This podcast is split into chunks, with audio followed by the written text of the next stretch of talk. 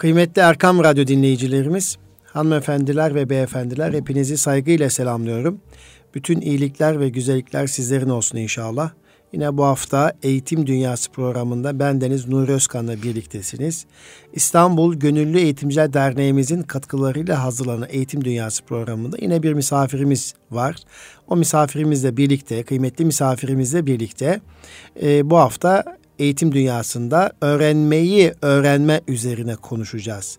Dolayısıyla bu sohbetimiz, bu paylaşımımız bütün bireyleri ilgilendiriyor. Öğrencileri, eğitimcileri, anneleri, babaları herkesi ilgilendiren bir konu başlığı üzerinde paylaşımda bulunacağız.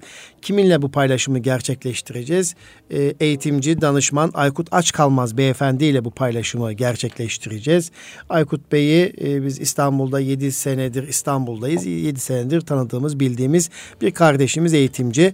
Aynı zamanda geçtiğimiz hafta İGEDER tarafından organize edilen ilkokulda yenilikçi yaklaşımlar sempozyumunda atölye çalışmasıyla katkıda bulunmuş bir kardeşimiz. Dolayısıyla hem geçen hafta gerçekleştirdiğimiz bu sempozyumla ilgili e, bildi kanaatlerini ve değerlendirmesini almış olacağım.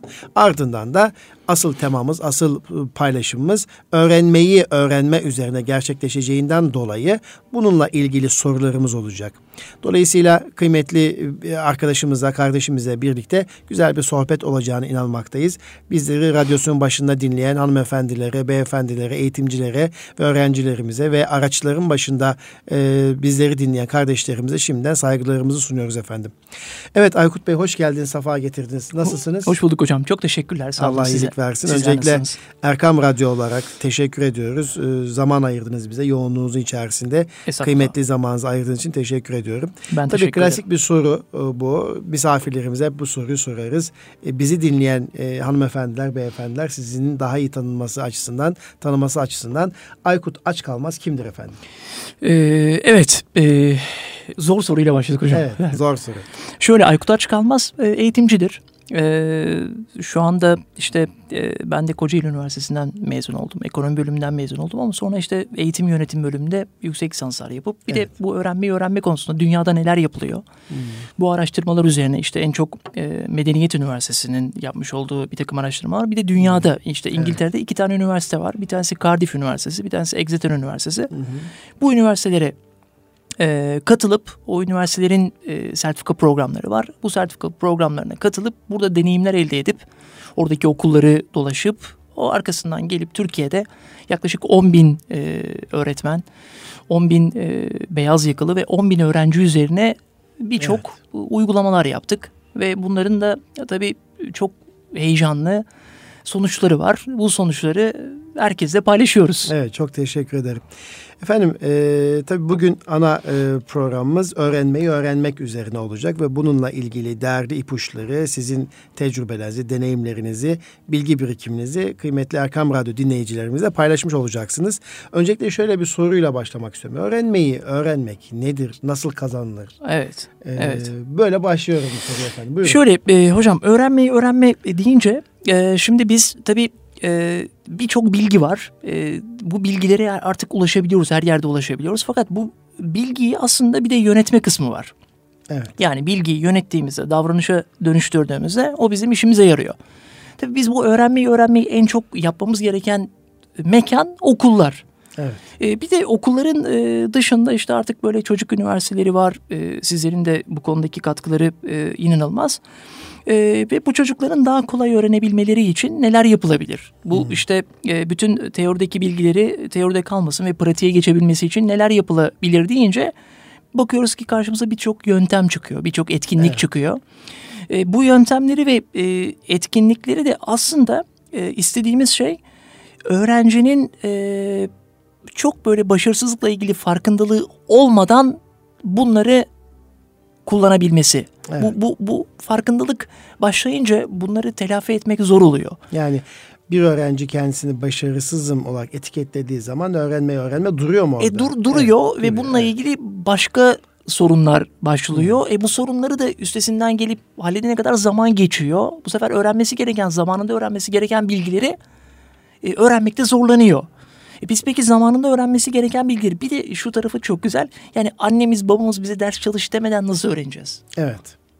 Nasıl öğreneceğiz? Güzel bir soru. Siz sordunuz. Ben tekrar o soruyu size yansıtayım. Yani- Annem, babam, öğretmenim bana ders çalış demeden biz nasıl öğreneceğiz? Evet bir de bir de hocam ben şunu da çok merak ediyorum. Aslında şu konu üzerine araştırma yapıyorum. Ee, gerçekten ders öğretmen ders çalışan öğrenciyi daha mı çok seviyor ya? Bunu hep çok merak ettim. Yani gerçekten hani ders çalışan yani e, böyle kafası yani çok hızlı çalışan vaktinde Evet, yapan, yani bunu- zamanda yapan. evet bunu daha mı çok seviyor? Daha yani başarısız seviyor? öğrenciyi seven öğretmen var mıymış? Var Mesela, mı? va- Olmalı mı? Va- vallahi olmalı hocam ya. Olmalı Aslında mi? başarısız öğrencilerin hepsi sonra Yani hayatta kendisi çok ba- başarısız olarak başarılı oluyor. çocukların yaşam başarıları Ya, çok yüksek evet oluyor ya. değil mi? Hayat başarı yüksek oluyor. O zaman oradaki başarısızlık tabiri şey e, subjektif bir Mesela tabir. 30 yıl önce başarısız olduğun bir sınıfta sevilmiyorsan, 30 yıl sonra başarılı olduysan, bir iş adamı olduysan, öğretmen de seni Ve etrafa değer zaman katan bir baş- iş adamı sevmeye ol- başladıysa bu ne oluyor yani? Ne Buradaki oluyor? durum ne? E Evet. peki o zaman biz böyle değerlendi yani not üzerinden gitmeyeceğiz değil mi? Evet. Yani not e, not bizim hepimizi öğretmeni, öğrenciyi, aileyi tuzağa düşüren e, en kötü şey demek ki ya. Yani öğrencinin öğrenmesi için nota dayalı bir sistem mi aslında eleştiriyorsunuz? E, e tabii hocam not bizi tuzağa düşürüyor Tuzağa hepimizi. düşürüyor. Ya not o- not olmasa bu tuzaklara düşmeyeceğiz. Yani şimdi notu kötü olan öğrenci annesiyle de çatışmaya giriyor. Ee, Peki o zaman şöyle sorayım. Tamam notu öğretmen silahı olarak kullanmasın. Ö- bunu evet. kullanmasın. Ee, ben de kısmen katılıyorum buna. O zaman çocuklarda öğrenme isteğini oluşturmalıyız ki böyle e, not tehditleriyle uğraşmayalım. O- Çocuklar not kaygısı yaşamasın. O zaman öğrenmeyi E, nasıl hocam istekli hale ama öğrenme isteği de Ve şu. ne öğrendiğini nasıl Tamam, ölçeceğiz? Güzel. Öğrenme isteği de 0-6 yaşa baktığımız zaman öğrenme isteği nasıl?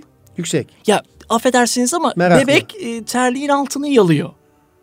Her şeyi merak ediyor böyle. ya Öğrenme inanılmaz isteği. bir meraklı öğrenme isteği var. E sonra öğrenme isteğini acaba biz mi durduruyoruz?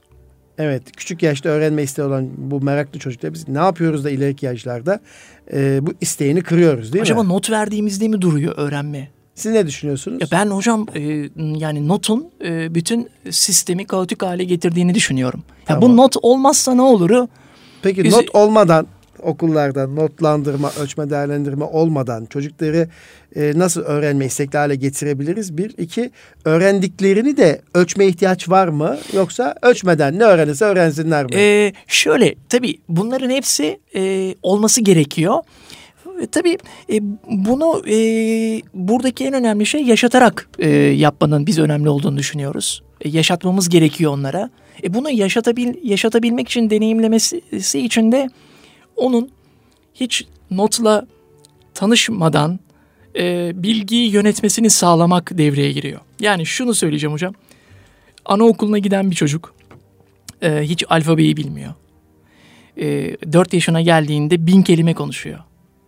E bu çocukta not yani annesi ona 200 kelime konuştuğunda 2 puan, e, 800 kelime konuştuğunda 8 puan veriyor mu? Öyle bir şey yok. Yani e, okul öncesi eğitime gelinceye kadar, işte birinci sınıfa başlayıncaya kadar veya ilkokula başlayıncaya kadar not olmaksızın birçok şeyi öğrenebilen bir çocuk e, için ileride biz niye not yöntemine dayalı, notlandırma yöntemine dayalı bir öğrenme sistemine geçiyoruz gibi de bir eleştiri var aslında. E, tabii Evet. yani bu, bu işi biz not olmadan e, çözebilecek bir e, yani not not derken tabii sınav olmalı. E, onları bakılmalı ama not olmadan çözebilecek bir hale getirebilme yani doğal öğrenmeyi 0-6 yaşta devam eden bu Süreci- sistemi süreci e, okul sistemine geçtiğinde de doğal öğrenmeyi devam ettire bildiğimiz an yöntemlerle karşılaşıyoruz. Yani yöntemler doğal olarak devam ettiğini bize gösteriyor. Evet. Peki o zaman o yöntemler nelerdir? Öğrenme, E Şimdi öğrenme güzel. yöntemler. Evet. Ya bu, bu yöntemlere baş, ba- baktığımızda benim en çok üzerinde çalıştığım yöntemlerden biri yani bunu e, İGEDER'in e, sempozyumunda da evet. birlikte öğretmenlere yaşatmak istedim. Yani hep şöyle değil mi hocam? Sınıflara insanları topluyoruz ve birileri bir şeyler anlatıyor. Şimdi bir şeyler anlatırken hep anlatan kişi öğreniyor aslında. Hani Evet. o kişiye bunu yaşatmak gerekiyor. E biz bunu ne yaptık İGEDER'de? Yani katılımcıya, öğrenciye e, o bilgiyi yaşatmak E, gerekiyor. tabii bu yaşatan e, en önemli konulardan bir tanesi zihin haritaları. Zihin e şimdi zihin haritaları dediğimizde her şeyi haritalandırmak aslında görünür hale getirmek. Hmm. Yani Fatih Sultan Mehmet'in e, çocukken aldığı not gibi not almaya devam etmek. E peki bana gelen notlara ben baktığım zaman şimdi talim terbiyeden e, bana e, bilgiler geliyor ve yazılı olarak geliyor. Ben şimdi yazılı bilgileri okuduğumda acaba onları okuduğumu anlamamı ölçme değerlendirme yapan bir kurum var mı? Yok. Yok. Ben bunları ne yapıyorum? Transfer yapıyorum. Ama resimle olduğunda transferi duyguyla yapıyorum. Şimdi haritalandırma demek duyguyu yani kavramsal öğrenmeyi çok hızlı bir şekilde harekete geçiriyor. Evet. Burada yapılması gereken en önemli şeylerden bir tanesi yani öğretmenin de bu bunu yapan öğretmen süreciyle ailenin de buna destek vermesi. Hmm. Ama burada yine en önemli konulardan bir tanesi e, biz ilk önce öğret öğretmenlere anlattık. Sonra kocaman bir harita 35 metrekarelik bir haritayı e, Gördüm, sempozyum evet, yaptığımız yere serdik. Evet. Ve o harita renksizdi. Öğretmenlerle birlikte renklendirdik ve sonra ideal öğretmen olmanın, ideal öğrenci olmanın her dal üzerinde cevabını aradık. Bir de artık şey de bitti. Hocam siz de biliyorsunuz. Yani bir, bir... Ben aslında bilgi aktarmadım. Ben beraber keşfettik ve haritanın üzerine yazdık evet, diyorsunuz. Evet yani ideal öğretmenin benim içimdeki ideal öğretmeni ortaya çıkardık. Hmm. Yani ideal öğretmenin tanımı şudur. Şu birinci şunu yapmalı, ikinci şunu yapmalı. Ya bunu artık kimse istemiyor hocam. Yani e, anlatan bir öğretmen olmaktan çok öğretmen öğrencileriyle, katılımcılarıyla birlikte o konuyu, kazanımı tespit edecek yöntemler gösterebilir ve çocuklar birlikte tespit edebilir. Bunun evet, için bunu, bunu, zihin haritalar metodunu evet, kullanabilir evet, veya başka bu, metotlar kullanabilir. Tabii başka metotlar kullanabilir ama dediğimiz şey bunu o anda yaş, yaşatabilmek çok önemli. Yani öğretim yani ben şunu bilmiyorum mesela öğretmen sınıftayken konuyu anlatırken ya da yazılardan okurken acaba gerçekten sınıfta mı yoksa dışarıda mı? Ya beyin bunu çok iyi yapıyor. Ya yani günlük e, 20 bin e, düşünceden bahsediyoruz hocam. 20 evet. bin tane düşüncenin içerisinde bir de sen konu anlatacaksın. Evet. Bu ya 20 bin düşünceden bu inanılmaz beyin çok hızlı ilerliyor. Peki o zaman Madem e, zihin haritaları bir metot, öğrenme öğrenmede kalıcı öğrenmeye sağlayacak bir metot. İGEDER'in sempozyumunda da bunu eğitimcilerle evet. de paylaştınız. Sürekli de değişik kurum ve kuruluşlarda zihin haritası metodunu anlatıyorsunuz. Özellikle bu zihin haritası metodunun çıkış yeri nedir? ee, nasıl Güzel. E, unsurları kapsıyor, ne sağlıyor e, okuyucuya, öğrenciye, işte yetişkine? Süper. E, yani Mesela ben Kazanımlı iş adamıyım. E, bir takım notlar alırken o zihin haritası yöntemini kullandığımda bana ne sağlar? Öğretmen olarak aldım ne sağlar? Öğrenciye ne katar? Evet. Bir kere en basitinden herkes birbirini daha iyi anlıyor.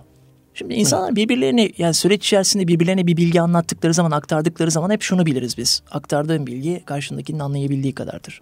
Ama bunu en sade hale getirebiliyoruz. Şimdi evet. bunun çıkış noktası şu. Ee, dünya üzerinde öğrenme güçlüğü çeken, zor öğrenen, hmm ee, bir de tam uç noktayı söyleyeceğim. Yani dahiler e, derse girdiklerinde nasıl not almışlar? Hmm. Buna yani, takılmış insanlar hep. Evet. Yani öğrenme geriliği olan çocuklarla öğrenmede üst düzeyde bilişsel düzeye sahip olan bireyler, yetişkinler evet. nasıl bir not alma sistemleri evet. var? Nasıl not alıyorlarmış nasıl bunlar? Not Çünkü bu nereden yola çıkmış? Normal düşüncede olan insanlar aldıkları bilgileri hep kaçırdıkları için bu insanlar ne yapıyor diye merak etmişler. Hmm. Bu insanların ne yaptıklarını merak edince bu insanların aslında her şeyi yazmadıkları e, zihinlerinde harita yaptıkları ortaya çıkmış. E, hmm. E peki bu zihinde harita yapmak o zaman doğuştan gelen bir özellik mi diye araştırma yapıyorlar. Aslında hayır doğuştan gelen bir özellik değil. Bu öğrenme süreçlerine bakıldığı zaman yani okula başlayan bir bilgiyi bana anlattığı andan itibaren benim şekillendirme. Fakat bu şekillendirme deyince insanlar tabii bir şeyleri böyle karalamaktan bahsettiğimizi zannediyorlar ama aslında bu bizim e, zihniyetimizi de ortaya koyuyor. Düşünme şeklimizi de ortaya koyuyor. Yani biz e, okuduğumuz zaman daha iyi düşünüyoruz. Hmm. E, ve bilgiyi organize ettiğimiz zaman daha iyi düşünüyoruz. Biz şimdi hiçbir bilgiyi organize etmeden e, otomatik olarak çıktığımızda her şeyi karşımızdaki dinler ve konuşuruz diyoruz ya aslında olay öyle olmuyor. Evet. Yani daha doğrusu şu var hocam. Eee ona tam olarak şöyle diyebiliriz. Yani bilginin, anlatacağım bir bilginin, karşı tarafa vereceğin mesajın öncesinde hep senaryosunu hazırlamış insanlar. Hmm. Yani herkes bir senarist mi senarist olmuş aslında. Şimdi önünüzde bir takım e, sıralı notlar var. Kelimelerden oluşmuş bir cümle e, nesir yazım diyoruz biz buna. Evet. Peki zihin haritalarında böyle bir yazım şekli yok. Yok. Sadece zihin, zihin haritasında böyle bir e, yazının e, yağını, suyunu ve kemiğini e, ortaya çıkartıyorsunuz, ayırıyorsunuz. Yani her şeyin bir yağı, suyu, bir kemiği yok mudur aslında değil mi? Hmm. Birini dinleriz konferansta. Şimdi konferansı dinlerken hemen şunu hissedersiniz. Ya bir konferans narkoz etkisi yaratır. Sizi uyku moduna sokar ve siz bir an önce iki dakika içerisinde uyku moduna geçer. Hmm. Konferansın dışında her şeyi düşünmeye başlarsınız. Evet. Bazı konferansta ise hiç başka şeyler düşünmeden o kişinin bir sonra ne söyleyeceğini, bir sonra ne söyleyeceğini. Şimdi iş hayatında insanların en çok istediği şey ya da kurumsallaşma konusunda çocuklarını yetiştiren, hani aile olarak devam etmek isteyen, kuruma devam evet. etmek isteyen en insanların en çok istediği şey bu. Yani insanlar karşı tarafa verdikleri bilgileri, aktardıkları bilgileri e, karşı tarafın hiç uyutmadan en evet. etkili bir şekilde dinleme sürecinde ne yapmaları gerekir sorusuna cevap veriyor haritalandırma. Evet.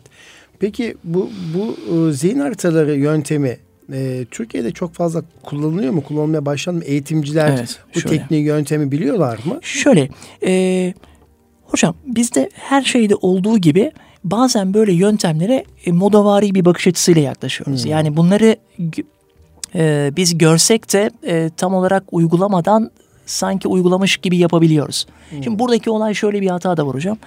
Bunlar hep yabancı dilden çeviri oldukları için hmm. yabancı dilin çeviri sırasında bu yöntemi kitap evine verdikleri zaman kitap evindeki kişi gidip de Tony Buzan'dan eğitim almış bir kişi olmadığı için çeviriyi yapıyor ama bunlar yöntem yani zihin haritaları aslında kişisel gelişim eğitimi olarak görünüyor ama zihin haritaları kişisel gelişim eğitimi değil bir teknik bir eğitim. Hmm. Bu çok önemli evet. hocam. Peki e, bu zihin haritaları bir teknik eğitimdir dediniz de Tony Buzan'dan bak. Tony Buzan kimdi? Hocam Tony Buzan e, İngiltere'de e, yaşıyor ve zihin haritalarının gurusu yani hmm. mucidi diye geçiyor. Hmm. Aslında Tony Buzan'ın annesi Tony Buzan'ın öğrenmesinde zorluk çektiği için hmm. e, bu araştırmayı yapıp ortaya koyuyor. Tony Buzan da bunu devam ettiriyor. Şu anda 2005 yılından sonra tabii manuel olarak devam eden yani elle harita yapıyorduk ama 2005 yılından sonra dijitalleşen e, zirveyle birlikte hmm. e, 2005'ten sonra artık bunun yazılımlarla yapılmaya başladı. Hmm. E şu anda da doğan çocukların hepsi o yazılımla yapılan haritalandırmanın içine doğuyorlar. Peki bu o yazılım e, bilgisayar ortamında veya web tabanlı bir yazılım veya Android bir yazılım mı? Tabii. İkisi Her var. ikisinde de kullanabiliyorsunuz. Önemli olan şu bizim tek istediğimiz yani bu hocam bu süreçleri ben çok iyi takip ettim. Ee, insanların haritayı neden kullandıkları ya da haritayı neden kullanmadıkları ile ilgili hmm. süreçlerde şöyle tespit, tespitler evet. tespitler çıktı.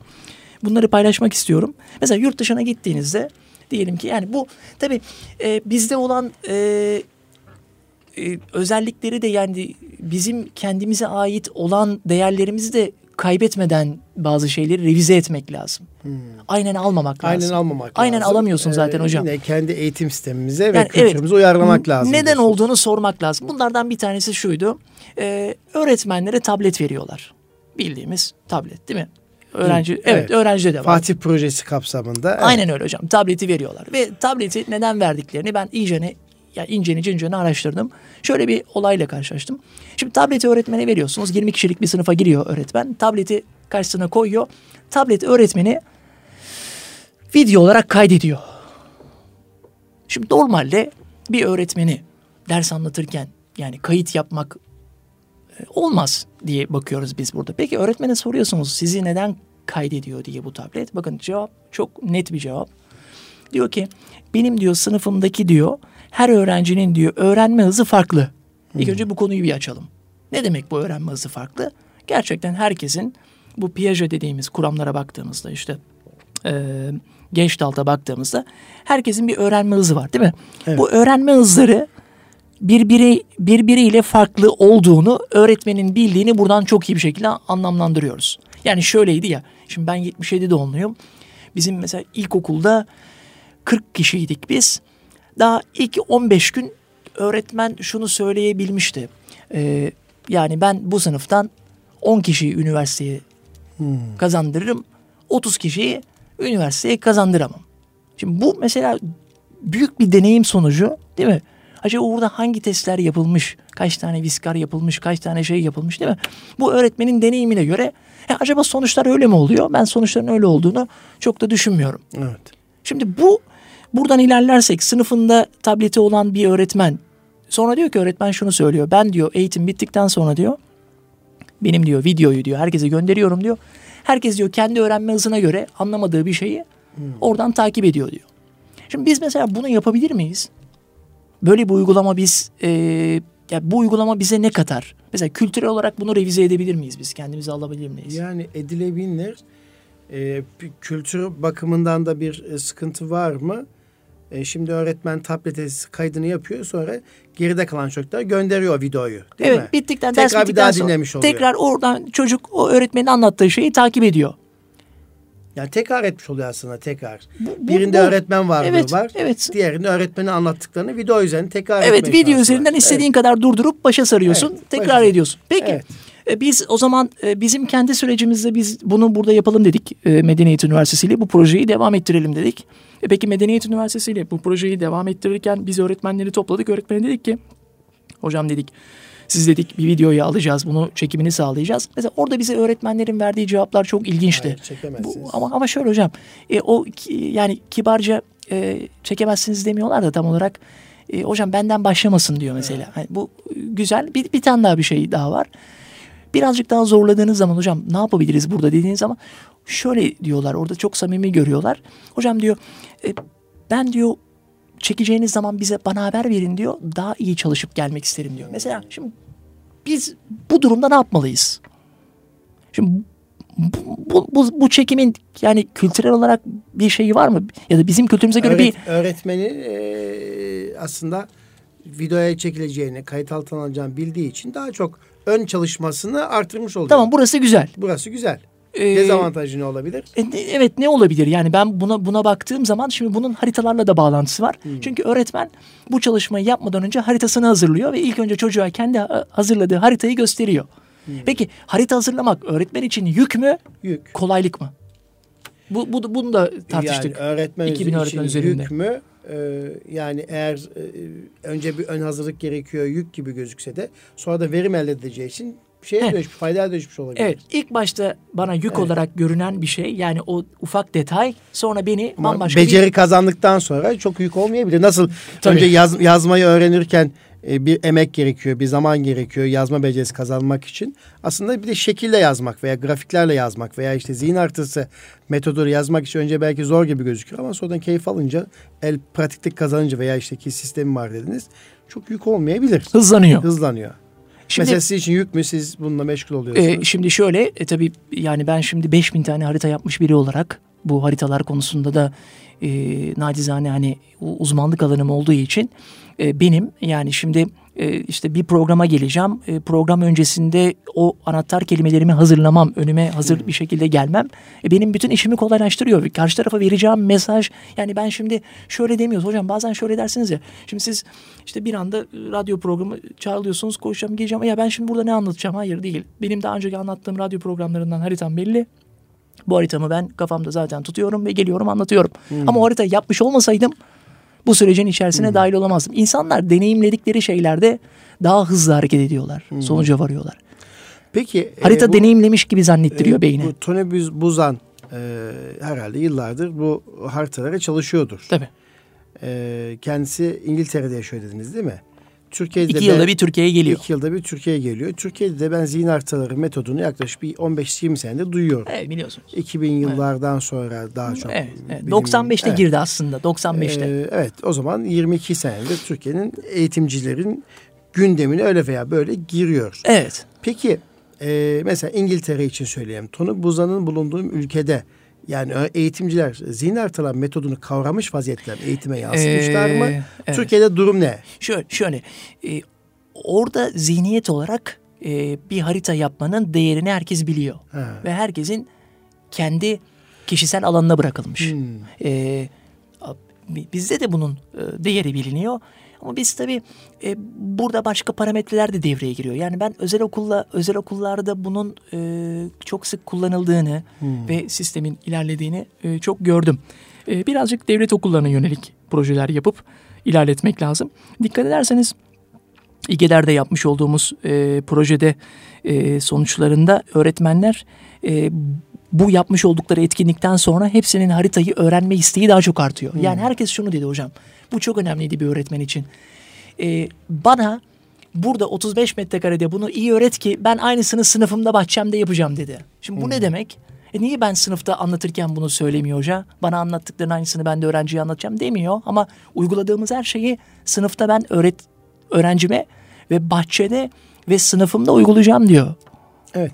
Şimdi e, zihin haritası e, metodunda ortada bir daire var veya bir e, Evet, şey evet, var, merkez var. O merkeze ana temayı, ana başlığı, ana kavramı yazdıktan sonra kollarıyla sağa sola uzatıyorsunuz. Onu istediğiniz kadar da e, ana kollardan da farklı yan kollar oluşturuyorsunuz. Böyle bir şey. Evet. Onun üzerine birer kelime yazıyorsunuz. Evet şimdi bu, burada hocam şeyi bilmek lazım. Evet gerçekten bu Niye anla- renklendiriyoruz? Her bir konu niye farklı e, renk Anlattığınız yapıyoruz? gibi çünkü beynimizin benzini renkler. Beyin benzin renklerle çalışıyor. Yani be- renk renkler çünkü doğadaki her şey rengarenk ve doğal atlı. E, ve bizim de yani baktığımız zaman e, e, zihnimiz o renkli bir şekilde fotokopi çeker gibi yapıyor. Fotokopi çekiyor. Şimdi burada şuna da değinmek lazım. İş dünyasında şöyle bir şey var. Şimdi iş dünyasında her şey formal. Değil mi? Yazılar üzerinden gidiyor. Yani, Hep böyle evet. okuduğunu anlama oranı çok yüksek olan insanları toplamak lazım şirketin başarıya ulaşabilmesi için. Yani. E, öbür, Evet. öbür süreçte zorluk çekiyor insanlar. Ama bu o, ona e, ihtiyaç duyulmuyor mu? Duyulmuyor hocam işte. Bu çok önemli. Ya burada burada siz eee, her herkese şekil üzerinden anlatımı çok hızlandırabiliyorsunuz. Ya bu bu inanılmaz bir şey. Yani ben düşünsenize şirketime almışım birine ya da öğrenciyim. An- annemin benim daha performansımın daha çok olmasını istiyor ve ben e, 7. sınıfa gelmişim. 4. sınıf matematiğini bilmiyorum. E şimdi tekrar 4. sınıfa gidip de matematik eğitimi almam lazım. Bu çok Mesela zor. ben okul müdürüyüm. E, işte e, toplantılar yapıyoruz. Diyelim ki önümüzdeki hafta bir etkinlik var. Bu etkinliğin amacını, bu etkinliğin Süper. e, tarihini, bu etkinliğin de görev alacak insanlar, bu etkinlikteki görev dağılımını Evet. e, Siz ne yapıyorum? normalde- ben anlatıyorum Evet, evet. arkadaşlara veya işte yazılı bir yönerge varsa o yönergeyi veriyorum. Herkesin görev dağılımı.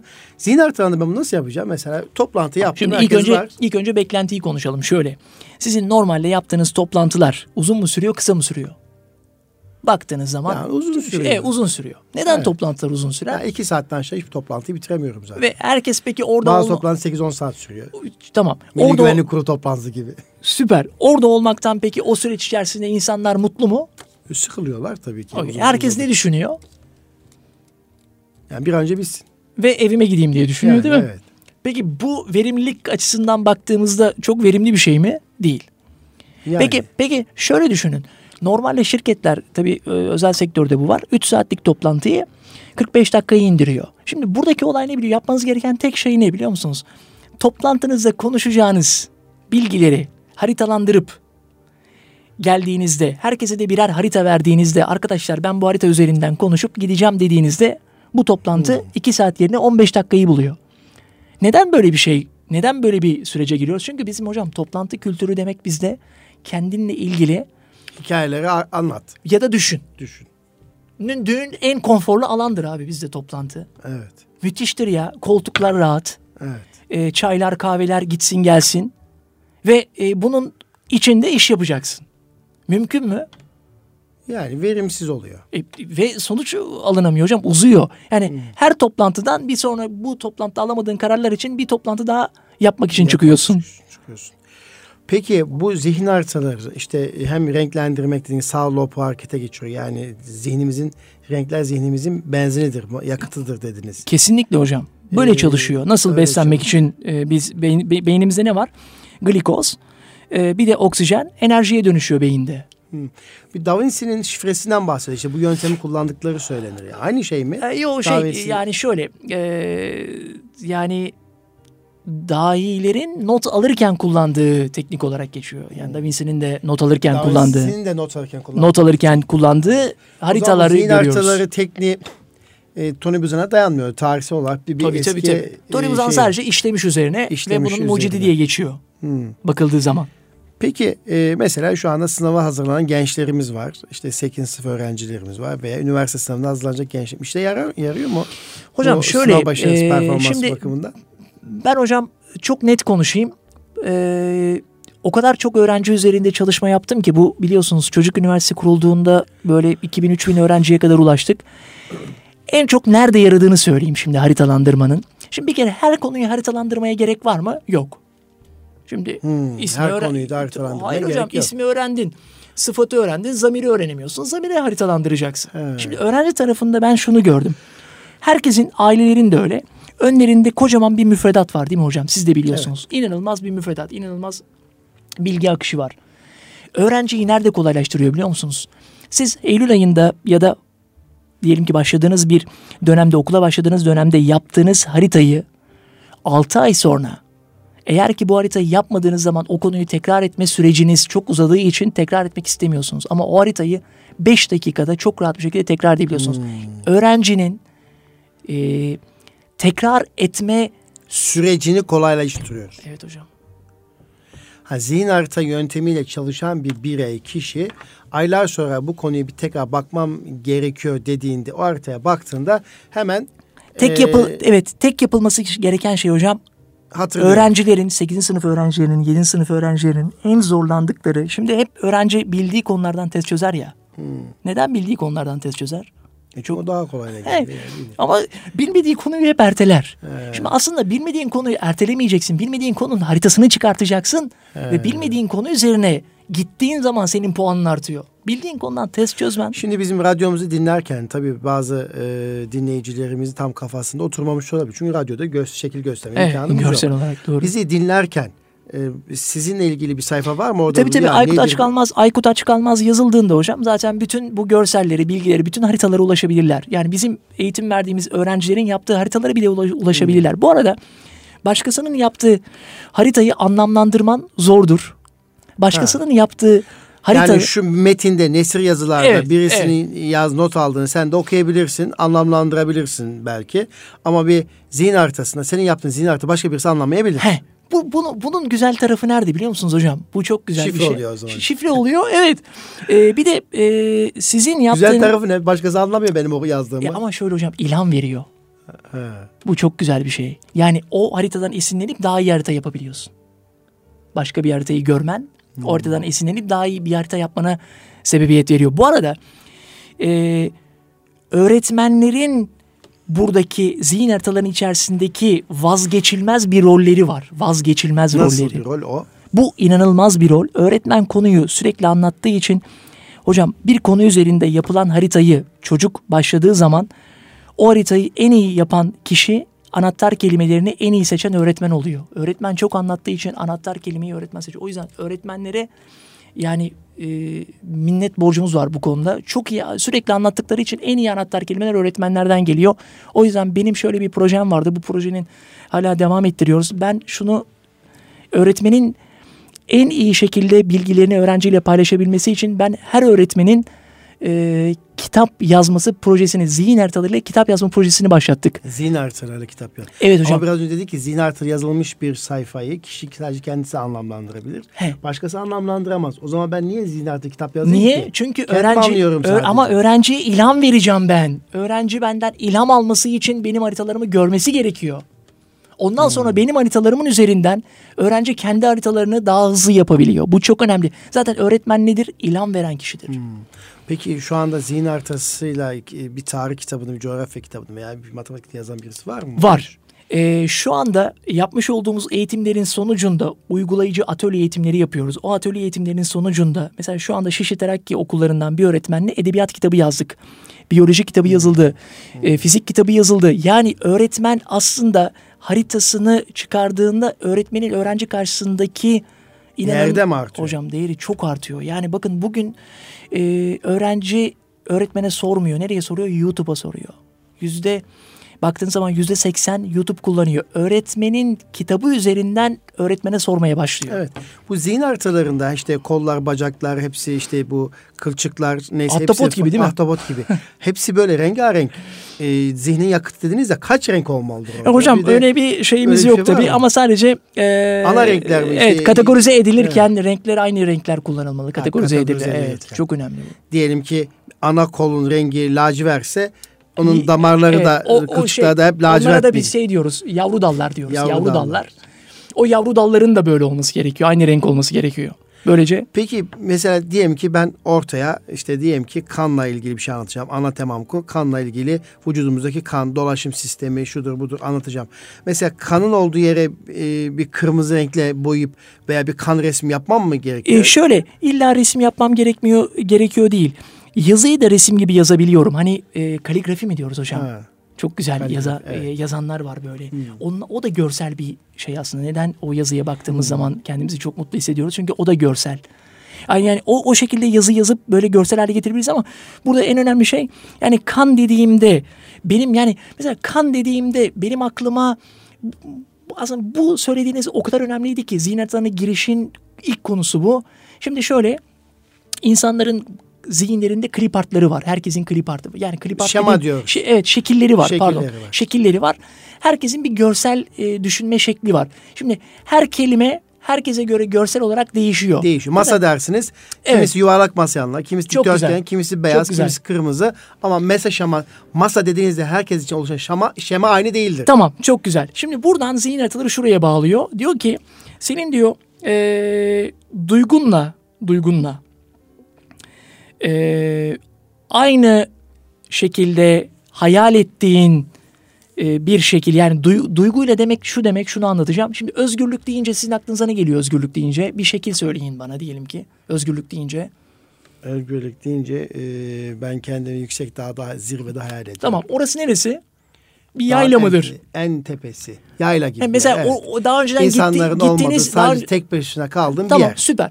Daha önceden gittiğiniz bir yer mi? Evet gittiğim bir yer. Tamam onu gözünüzün önüne getiriyorsunuz. Şimdi ben şunu diyebilirdik. Özgürlük deyince işte bizim aklımıza hemen ikimizin de özgürlük anıtı geldi diyebilirdik ama Yok, şimdi tamam güzel gelmedi. harika. Şimdi bu sizin şekliniz ya. Siz özgürlük dediğiniz zaman özgürlükle ilgili cümleyi bu şekle bağladığınızda uzun süreli hafıza 6 ay boyunca bu bu şekli bu kelimeyi unutmuyor. Ama özgürlük yani benim için özgürlük işte eğitimden sonra bisiklete binmekse ben oraya özgürlük yerine hemen bir bisiklet çiziyorsam ka- kafamda bu şekli getiriyorsam böylece duyguyla beraber olduğu için otomatik olarak hafıza da unutkanlığı devre dışı bırakıyor. İlginç.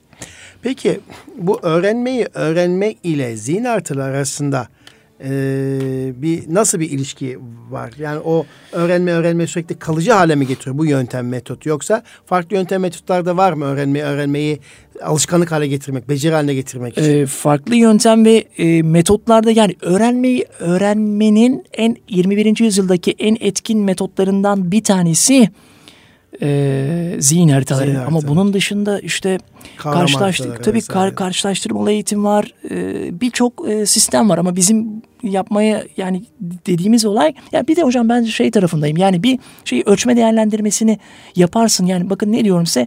Herkes her konuyu harita yapmak zorunda değildir diyorum. Zorlandığı konuyu harita yapsa işi bitirecek zaten. Peki bu dijital e, çağdan bahsediyoruz. Şimdiki çocuklarımız akıllı telefonlar, tabletler, işte sosyal medya vesaire var. E, tabii yazma becerileri gittikçe zorlaşıyor. Yazdırmakta zorlanıyoruz. E, yani bu yazma becerisi gelişmemiş çocuklar veya e, zorluk öğrenmede zorluk çeken çocuklar için bu yöntem işe yarayacak gibi gözüküyor. E, peki bu eğitimde 4.0, e- endüstri 4.0'dan eğitim 4.0'a geçerken de hala bu metot, metot geçerli mi yani bu çocuklara bu fayda sağlar mı? Ee, kesinlikle sağlar. Yani biz artık şöyle dijitalleşmede ve endüstri 4.0'da öyle bir noktaya gidiyoruz ki bununla ilgili de çok iyi tespitler var. Diyelim ki işte e, bu şeye benziyor ya. E, araçsız arabalar şimdi değil mi devrede? Şoförsüz. Şoförsüz. He, şoförsüz e, arabalar. Ee, ve e, bakın çok enteresan bir tespit var. Şoförsüz e, araba kaza yapıyor mu? Yapıyor. Yaptı geçenlerde Güzel. gündeme geldi evet. Çok ilginç bir şey söyleyeceğim. İkinci kez aynı hatayı yapmıyor mu? Aynı kazayı yapmıyor. Bu, bu, bu çok bu çok önemli bizim için. İkinci kez aynı kazayı yapmıyor. Şimdi teknolojiyi çocuktan almak mümkün değil. Teknolojiyle birlikte doğru bir şekilde nasıl ilerlemesi gerektiğini e, çok iyi bilmemiz gerekiyor. E, bir de e, yani en son gündemde e, dikkat ederseniz şey de vardı. E, bir yani bir matematik öğreteceksiniz öğrenciye. Şimdi biz diyelim ki matematik öğretiyoruz değil mi öğrenciye? Evet. Öğrenciye matematik öğretirken e, şunu ayarlayabiliyor muyuz? Ne kadar çok pohpohladık onu e, ya da ne kadar az e, ona başarısızlığı e, anlattık. Mimiklerimizden bunu ayarlayabiliyor muyuz? Herkese göre değişiyor bu. Değişir tabii evet. Peki e, bir robotun hiç mimikleri olmayan bir robotun e, matematik dersi verdiğini düşündüğünüzde neyle karşılaşıyoruz? Yani ruhsuz bir şeyin ders verebilir mi diyoruz değil mi? Ama bu da tartışılıyor geçtiğim ileriki zamanlarda sınıflara öğretmenler değil artık robot öğretmenler gireceği diyor. O zaman sizin bu düşüncenize göre robot öğretmenler insan eğitimi için uygun bir yöntem değil. Yani eğitim için uygun bir yöntem değil. Şöyle bir bu araştırmaya baktığımızda şöyle görüyoruz.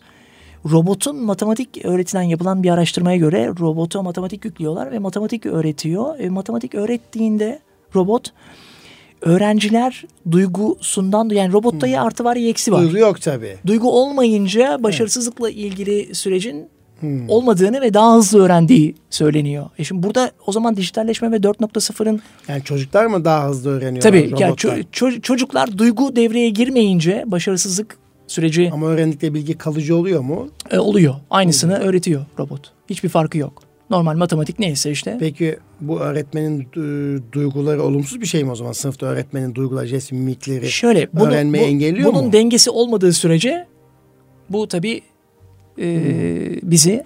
Ama insan sosyal ve duygusal bir yaratık değil mi? E, dolayısıyla e, eğitimde duyguları da harekete geçirdiğimiz zaman düşünceler ve davranışlar daha fazla etki gösterir diye Heh. bir düşüncemiz var. Bu doğru.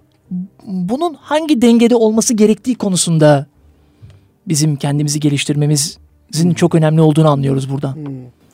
Peki e, son e, birkaç dakikamız kaldı, beş dakikamız kaldı.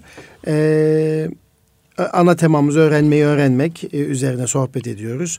Bu arada İGEDER'imizin ilkokulda yenilikçi yaklaşımlar sempozyumu çerçevesinde evet. oradaki sunumunuzdan bahsettik.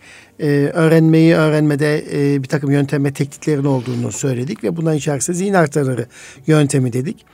E, siz de bu konuda İstanbul'da ve değişik illerde çalışmalar yapıyorsunuz. En son Çocuk Üniversitesi'nde İstanbul Medeniyet Üniversitesi ve Üsküdar Belediye'mizin geliştirdiği e, model olan çocuk üniversitelerinde de eğitmenlik yaptınız. Çocuklara bu metodu kavratmaya çalıştınız. Nasıl sevdiler mi çocuklar? İlgi duydular mı? Ee, ya şöyle hem ilgi duydular hem de derslerinde kullanmaya başladılar. Kullanmaya evet, derslerinde kullanmaya başladılar. Bir de şöyle bir şey var. Siz bunu üçüncü sınıf, dördüncü sınıf yani anaokulundan çıkıyor ya hocam çocuk. Hmm. Anaokulundan geliyor. Evet. Anaokulu bittiği andan itibaren aslında inovasyonu durdurmayıp devam ettiriyor zihin haritaları. He.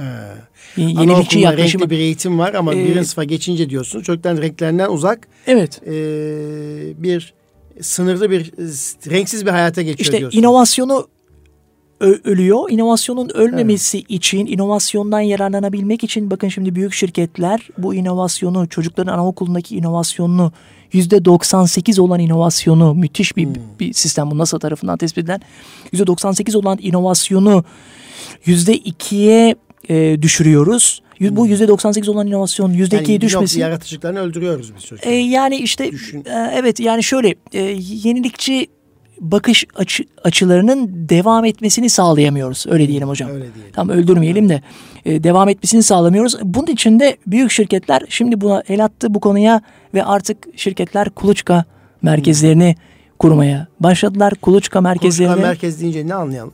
Ya kuluçka merkezi o şirketin e, hani yarı yolda kalmaması, sürdürülebilirliğin hmm. devam etmesi için e, beslenmesi için kurduğu araştırma ve geliştirme merkezi diye anlayabiliriz. Hmm. O zaman e, mevcut şirketlerin veya toplumun gelecekte var olabilmesi için kuluçka merkezleri e, her alanda oluşturulmalı. Bunu çocuklar mı yapacak kuluçka merkezi? Yok, kuluçka, mer kuluçka merkezleri e, olmalı. O kuluçka merkezlerinde çocukların o inovatif taraflarını yani o zaman kuluçka merkezlerinde çocukların inovatif tarafından faydalanacak evet, evet, sistem evet. bu. Düşün, düşünceleri çünkü... Çünkü onlar korkusuz, ayıplanmaksızın evet, e, evet, özgürce evet, düşünüyorlar. Evet, evet, Onların evet, düşünceleri evet bir şirketin, bir toplumun, bir kurumun, bir kamu kuruluşun veya bir özel sektörün gelişimine katkı sunabilir diyorsunuz. Kesinlikle ve biz bazen diyoruz ya ya sen bunu nasıl bu düşündün? Bu think kuruluşları gibi değil değil mi? Değil, bu kuluçka yok, merkezi yok, dediğiniz. Evet. Yok şu anda e, kuruluyor işte. Bu ilk MIT yani Amerika'daki MIT Üniversitesi'nin e, Türkiye'de İTÜ'nün kurduğu bir hmm. sistem ama ondan sonra şirketler de buna el atıp şirketler evet. de kuruyor. Evet e, Aykut Bey çok teşekkür ediyoruz. Hocam ben teşekkür ederim. Son e, dakikalarımıza geldik. E, son hatırlatmak istediğiniz, söylemek istediğiniz, paylaşmak istediğiniz ya, bir şey varsa en çok buyurun. En çok şunun üzerinde duruyorum. Madem e, ben nota karşıyım ama not sistemin içerisindeyiz. E, o zaman diyorum ki sınavlara hazırlanan öğrencilerin kaygı seviyesi yükselmeden zorlandıkları konuları haritalandırsınlar. Evet. Kıymetli Erkam Radyo dinleyicilerimiz, hanımefendiler ve beyefendiler, bugün e, Aykut Açkalmaz beyefendi ile öğrenmeyi öğrenme ve eğitimde zihin haritaları meselesini konuştuk. Kendisi İGEDER'imizin ilkokulda yenilikçi yaklaşımlar sempozyumuna katılmıştı. Orada atölye e, sunuşu vardı. Eğitimcilerimiz çok memnun kalmışlardı, çok mutlu olmuşlardı. Hem onu e, gündeme taşıdık. Nasıl sempozyumun organizasyonu beğendiniz mi? Oradaki ilgiyi. Ya şu, e, çok güzeldi. Bir de e, yani öğretmenlerin e, bu kadar ilgili olması ve e, bir şeyler öğrenmeye meraklı olması beni çok heyecanlandırdı. Hmm, güzel. Evet e, bu çerçevede bir değerlendirme yaptık. Bu arada e, zihin haritaları ile ilgili kendi sitesinden de Aykut Aç Kalmaz e, .org e o hocam Aykut Aç Kalmaz yazınca zaten yazınca, internet sitesine ulaşırlar. Bu videolara evet. ve görsel materyal ulaşılabilir. Çünkü bazılarını biz burada ifade etmekte zorluk çekmiş olabiliriz. Zihin haritaları deyince. Ve bu arada e, Çocuk Üniversitesi deneyimlerinden bahsettik. Kuluçka merkezlerinin e, öneminden bahsederek çocuklardan aldıkları inovatif yaklaşımlarla birçok kurumlar kendi kurumlarını geliştiriyorlar ve ilham alıyorlar dedik. Dolayısıyla günümüzde kuluçka merkezleri de e, gündeme gelmeye başladığını firmalar ve kamu kurum ve kuruluşları da bunu gündeme taşıdıklarını ifade ettiler. E, ben kendilerine teşekkür ediyorum. Çok sağ olun. Ben teşekkür ee, ederim. Ve bugün keyifli bir sohbet oldu. İnşallah faydalı, verimli bir e, paylaşım olduğunda artık izleyicilerimiz e, takdir edecekler diyorum. Evet, teşekkür ederiz. E, bir, bir sonraki Eğitim Dünyası programında buluşmak dileğiyle efendim. Kalın sağlıcakla. Allah'a emanet olunuz.